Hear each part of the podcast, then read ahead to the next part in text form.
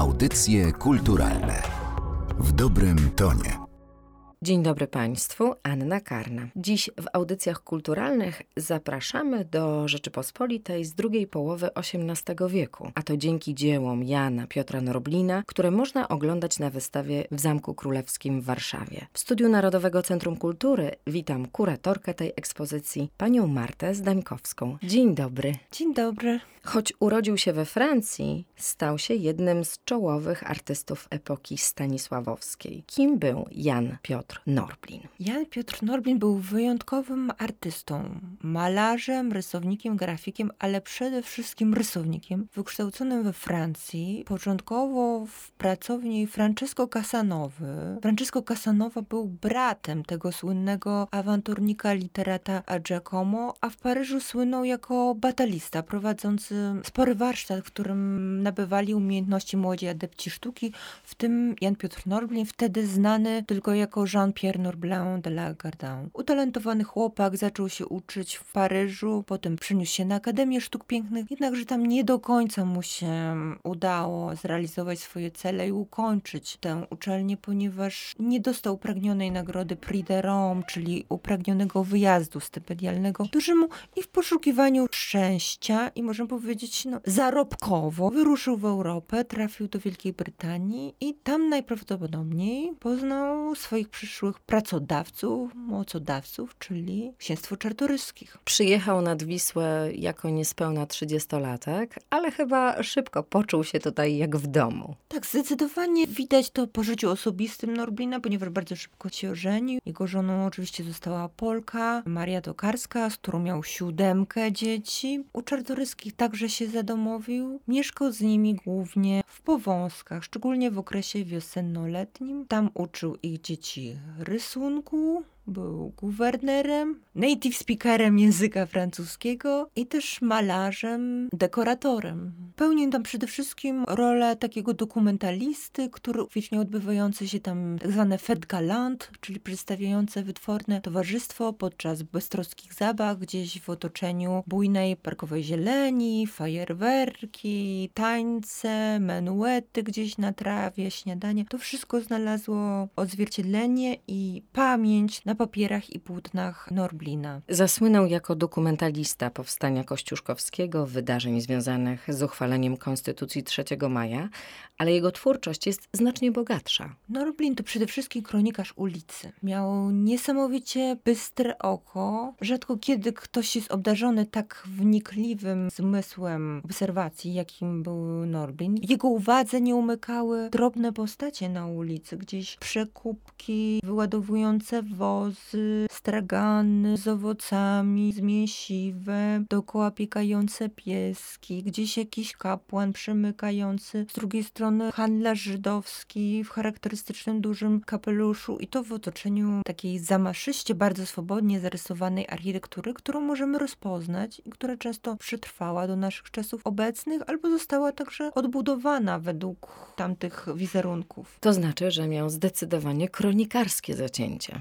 Norblin był zdecydowanie kronikarzem tamtych czasów, tamtych bardzo ciekawych, ale trudnych czasów, bo był to czas upadku Rzeczypospolitej, później nadziei związanej z konstytucją, rewolucją 3 maja, z jej odrodzeniem, a później znowu ponownie poniesionej klęski, która doprowadziła go do wyjazdu z kraju, ponieważ z kraju wyjeżdżała wtedy arystokracja, głównie do Francji i tak też zrobił Norblin. Skoro z wykształcenia był batalistą, ale z zamiłowania był rembrandystą, to co malował najchętniej? Te sceny uliczne, te sceny, które nie były na pewno wykonywane na zamówienie, coś, co szybko potrafił odnotować piórkiem, tuszem, gdzieś pod podmalować gwaszem lub akwarelą. Uwielbiał przedstawienia teatralne rysować, wytworne przedstawienia teatralne, także takie, które odbywały się w plenerze, tak jak na przykład zachowany do dziś cykl e, przedstawiających wystawienie baletu Kleopatra w amfiteatrze w Łazienkach Królewskich w Warszawie, gdzie widzimy łodzie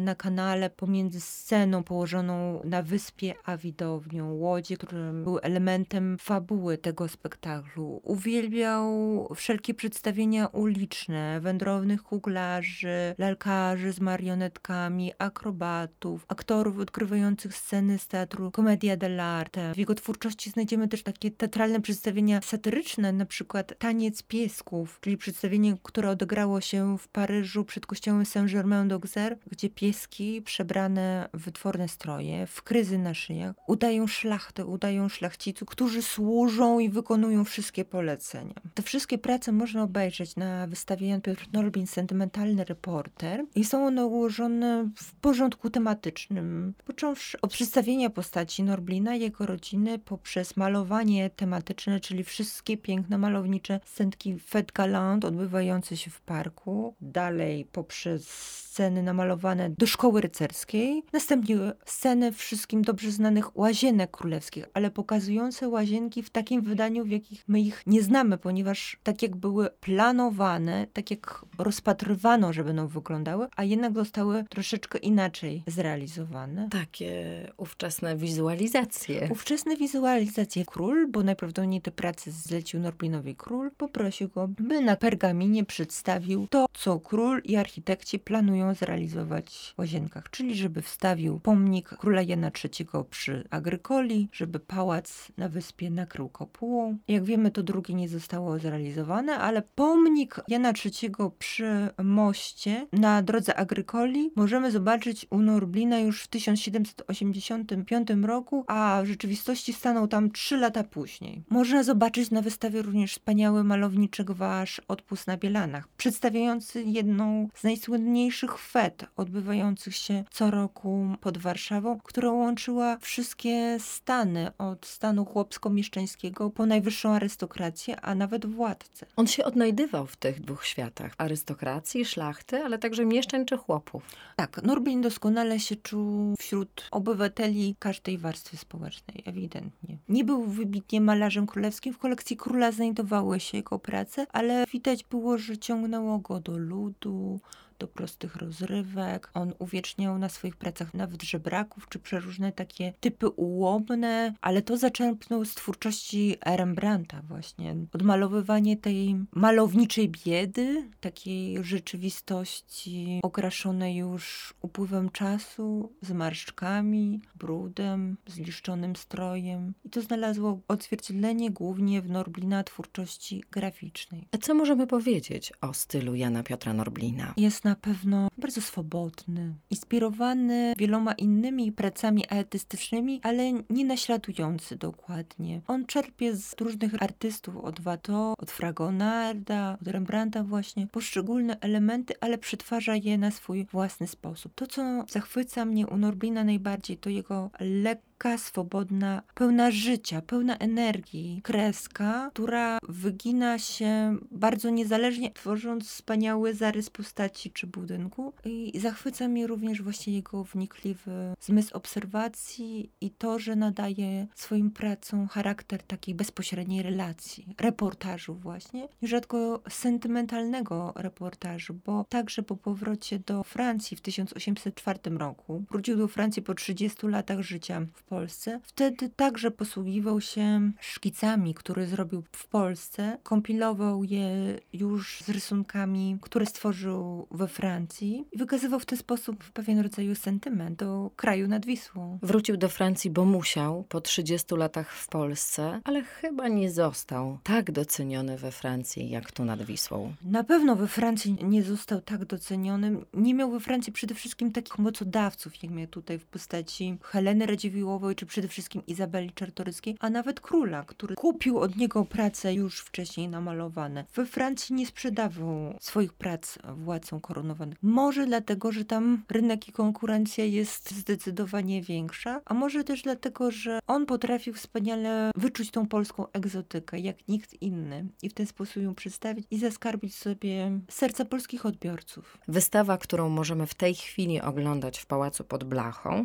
to pierwsza monograficzna prezentacja prac Norblina w Zamku Królewskim. Tak, to jest pierwsza taka monograficzna prezentacja prac Norblina w Zamku Królewskim. Także pierwsza taka prezentacja właściwie w Polsce od wielu, wielu lat, bo do tej pory pokazywane były dzieła graficzne głównie i to w takim małym zakresie. My prezentujemy naszą kolekcję, ponieważ w ostatnich latach zdecydowanie ją poszerzyliśmy poprzez bardzo szczodry dar, który otrzymaliśmy od Fundacji Zbiorów Ciechanowieckich oraz zakupy, których dokonujemy na polskim oraz zagranicznym rynku antykwarycznym. Na wystawie 125 prac są to rysunki, kreślone tusze, malowane gwaszem, akwarelą. Jest też praca wykonana w technice sangwiny, są prace olejne na płótnie oraz także na blasze. Są grafiki, głównie akwaforty, no i jest jedno popiersie. Wiele z tych dzieł to prace dotąd niepokazywane. Duża część tej ekspozycji to prace dotychczas niepokazywane, nieprezentowane szerszej publiczności, ponieważ zostały nabyte z prywatnych kolekcji, gdzie przez dziesięciolecia zdobiły salony, gdzie oglądało je naprawdę niewiele osób. U nas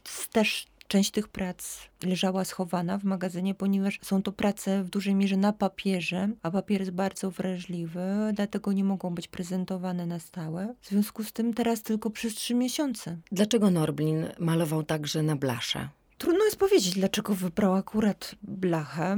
To był czas, kiedy on się uczył, kiedy jeszcze eksperymentował. Podejrzewam, że ktoś mu mógł podpowiedzieć, żeby spróbował w ten sposób malować. Może po prostu miał taką blachę pod ręką, a nie miał płótna. Dwa obrazy na blasze to są capriccia z kolekcji króla Stanisława Augusta Poniatowskiego, ponieważ król kupił je od Norblina, kiedy artysta przyjechał do Polski. One zostały namalowane jeszcze we Francji. Jedna z prac przedstawia uroczą scenę z kuglarzem, z małpką i z pieskiem, który odbiera zapłatę za występ od damy, a druga praca to przedstawienie wróżka, które już się rozgrywa gdzieś pod kościółkiem i ta praca może być odczytana jako przedstawienie jakieś poranne, dosyć chłodne, gdzie mamy takie ostre, świeże powietrze i postacie są przedstawione lekko takiej zamglonej jeszcze przestrzeni. Pani powiedziała takie ciekawe zdanie, że to był król małego formatu.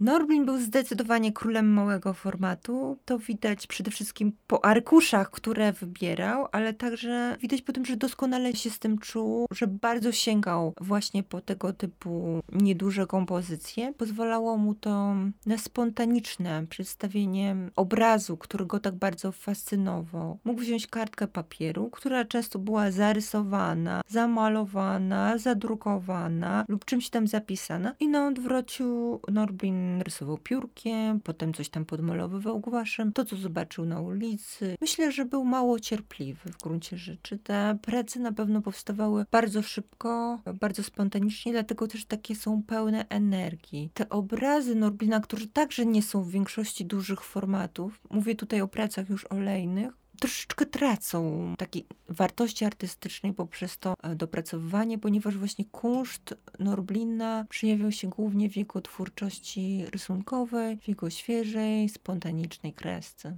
Rysował także zupełnie malutkie formaty, kilkucentymetrowe. Może właśnie dlatego, że gdzieś coś go zatrzymało na ulicy, ale jednocześnie te nawet maleńkie formaty są niezwykle szczegółowe. Tak, Norblin bardzo lubił takie malutkie formaty. To są tak zwane bazgroły. On nawet sam o tym mówi, że to są grybouillage, e, bazgroły. Chciał uchwycić a miał pod ręką taką kartkę, albo czasami po prostu nie miał papieru i, i papier był dla niego bardzo cenny, dlatego wykorzystywał te ścinki, można powiedzieć. Malutkie, wykonane w technice akwaforty, czyli główki. To już na pewno bardziej zaplanowana praca i myślę, że to go bawiło, że tworzy takie małe, że rytuje takie małe przedstawienie. Jaka jest według Pani najciekawsza część dorobku Norblina? Osobiście najbardziej lubię sceny uliczne, ale te nawiązujące do przedstawień teatralnych, czyli sceny teatrów ulicznych. Bardzo lubię wyobrażenia tych rozmaitych grajków, lalkarzy. Gdzieś również lubię przykupki, aczkolwiek jeśli chodzi o kolorystykę, to bardzo doceniam paletę barwną z przedstawień typu Fête Galant, czyli tych przedstawień z wytwornym towarzystwem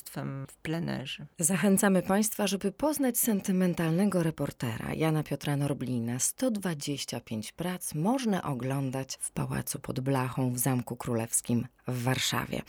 Gościem audycji kulturalnych była kuratorka wystawy pani Marta Zdańkowska. Bardzo dziękuję. Dziękuję Państwu za uwagę i zapraszam na wystawę. Audycje kulturalne w dobrym tonie.